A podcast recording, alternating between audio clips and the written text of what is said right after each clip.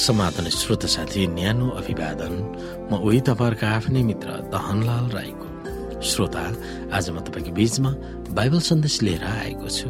आजको बाइबल सन्देशको शीर्षक रहेको छ चर्च यसु ख्रिसको दुलहीको रूपमा भाग एक।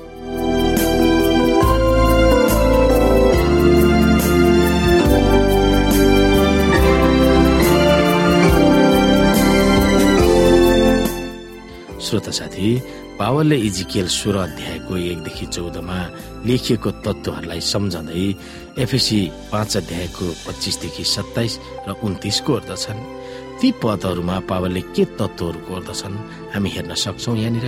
इजिकेल सोह्र अध्यायको एकदेखि उन्नाइस।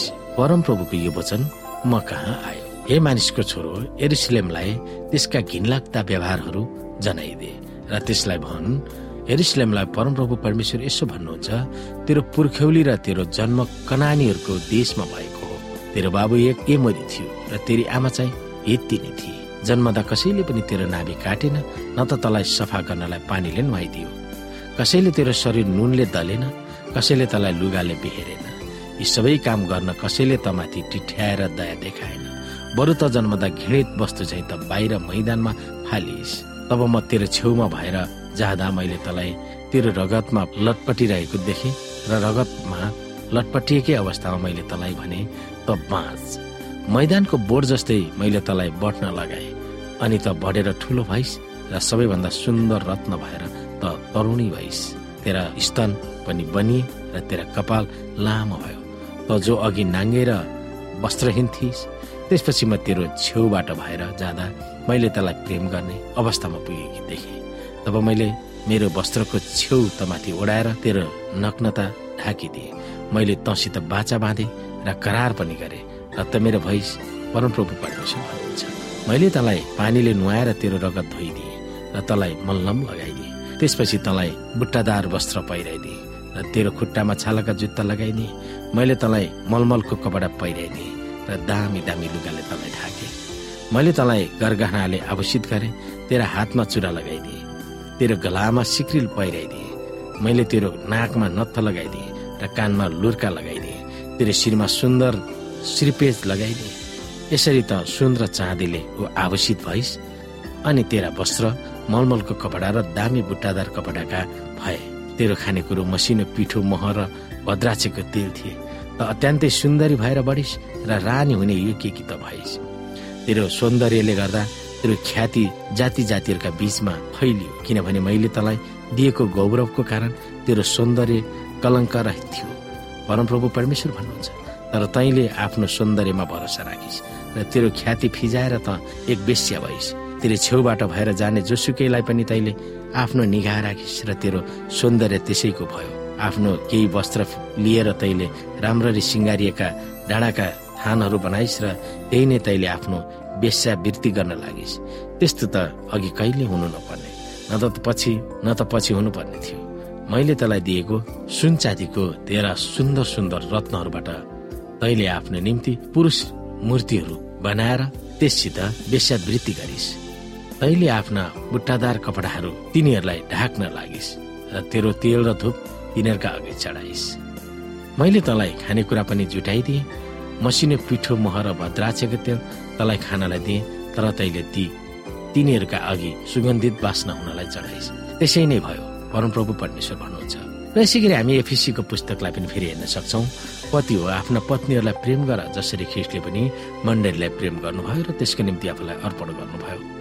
यस हेतुले कि उहाँले त्यसलाई पानीले धोएर वचनद्वारा पवित्र पार्न सकुन् र उहाँले दाग वा चाउरी नभएको अथवा यस्ता कुनै कुरा नभएको तेजस्वी मण्डली आफै कहाँ प्रस्तुत गर्न सकुन् र त्यो चाहिँ पवित्र निष्कोट होस्। त्यसरी नै पतिहरूले पनि आफ्ना पत्नीहरूलाई आफ्नो शरीरलाई चाहिँ प्रेम गर्नुपर्छ। आफ्नो पत्नीलाई प्रेम गर्नेले आफैलाई प्रेम गर्छ। किनकि कुनै मानिसले कहिले आफ्नो शरीरलाई घृणा गर्दैन तर त्यसको कदर गरेर पालन पोषण गर्दछ जसरी ख्रिस्टले पनि आफ्नो मण्डलीको निम्ति गर्नुहुन्छ। एफिसी पाँच अध्यायको पच्चिसदेखि सत्ताइस र उन्तिसमा पावलले चर्चलाई विवाहित दुलैको प्रतीकमा लिएको छ। चर्च ख्रिससँगको सम्बन्धमा गाँसिएको छ। विवाहको पुरानो चलन र भूमिका अनुसार विश्वासीहरू ख्रिससँग विवाहमा बाँधिएका छन् भनेर उनले चित्रण गर्दछन्। चर्च दुलै भएको नाताले ख्रिस ईश्वरीय दुल्हा हुनुहुन्छ तर उहाँ कस्तो खालको दुल्हा हुनुहुन्छ त? उहाँले चर्चलाई आफ्नै दुलाई जस्तै प्रेम गर्नुहुन्छ। यसुलाई विश्वास गर्नु वा उहाँमा हिँड्नु भनेको उहाँलाई हृदयदेखि प्रेम गरेर उहाँको प्रेमलाई स्वीकारेर प्रेमको आदान प्रदानको काम हो भन्ने तर्कलाई हामीले कहिले पनि बिर्सनुहुन्न उहाँले हामीलाई प्रेम गर्नुहुन्छ। दुलहीको मोल तिर्न उहाँ आफै अर्पण गर्नुभयो। पौराणिक विवाहको व्यवस्थापन अनुसार दुलहाले दुलहीको मोल तिरेर किनेको हुन्थ्यो। यो मोल ठुलो धनराशि वा बहुमूल्यको हुन्थ्यो। यस्तो ठुलो हुन्थ्यो कि पौराणिक गाउँको आर्थिक आय नै यस चलनमा भर पर्दथ्यो। यसैले चर्च उहाँको दुलाइ भएकोले उनको निम्ति ठुलो मोल तिर्नु भएको थियो। त्यो मोल उहाँ आफै हुनुहुन्थ्यो। उहाँ मानव अवतार लिनु भएर क्रुसमा ज्यान दिनुहुँदा उहाँ आफै दुलाईको मोल तिर्नु भएको थियो। उहाँकी दुलाईलाई नुहाइदिनुहुन्छ। विवाह समारोहका निम्ति दुलाइ तयार हुनु अत्यन्तै महत्वपूर्ण भएको यो अहिले पनि सत्य छ। दुलैका साथीहरू र उनका स्त्री आफन्तहरूले विवाह समारोहका निम्ति दुलैलाई तयार पार्दछन्। ईश्वरीय दुलहाले उनको दुलैसँग विवाह गर्न उहाँले कस्तो तयार गरिरहनु भएको छ त्यो पावलले कल्पना गर्दछन्। उहाँले नै दुलैलाई धोएर सफा गर्नुहुन्छ र पवित्र पार्नुहुन्छ। सायद यसमा बत्तिसमालाई सम्बोधन गरेको हुनुपर्दछ। प्रतिज्ञाको वचन बोल्नुहुन्छ। वचनद्वारा दुलैलाई सफा गरिन्छ।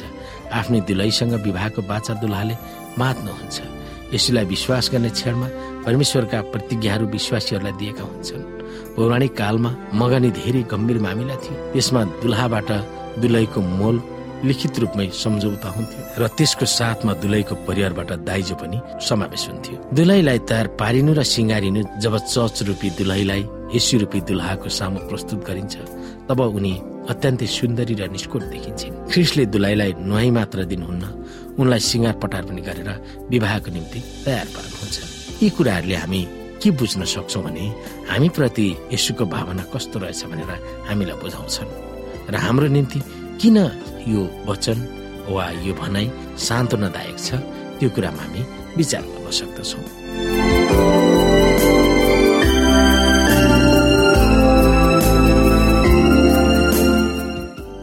श्रोता साथी आजको लागि बाइबल सन्देश यति नै। हस्त नमस्ते जय मसिंह।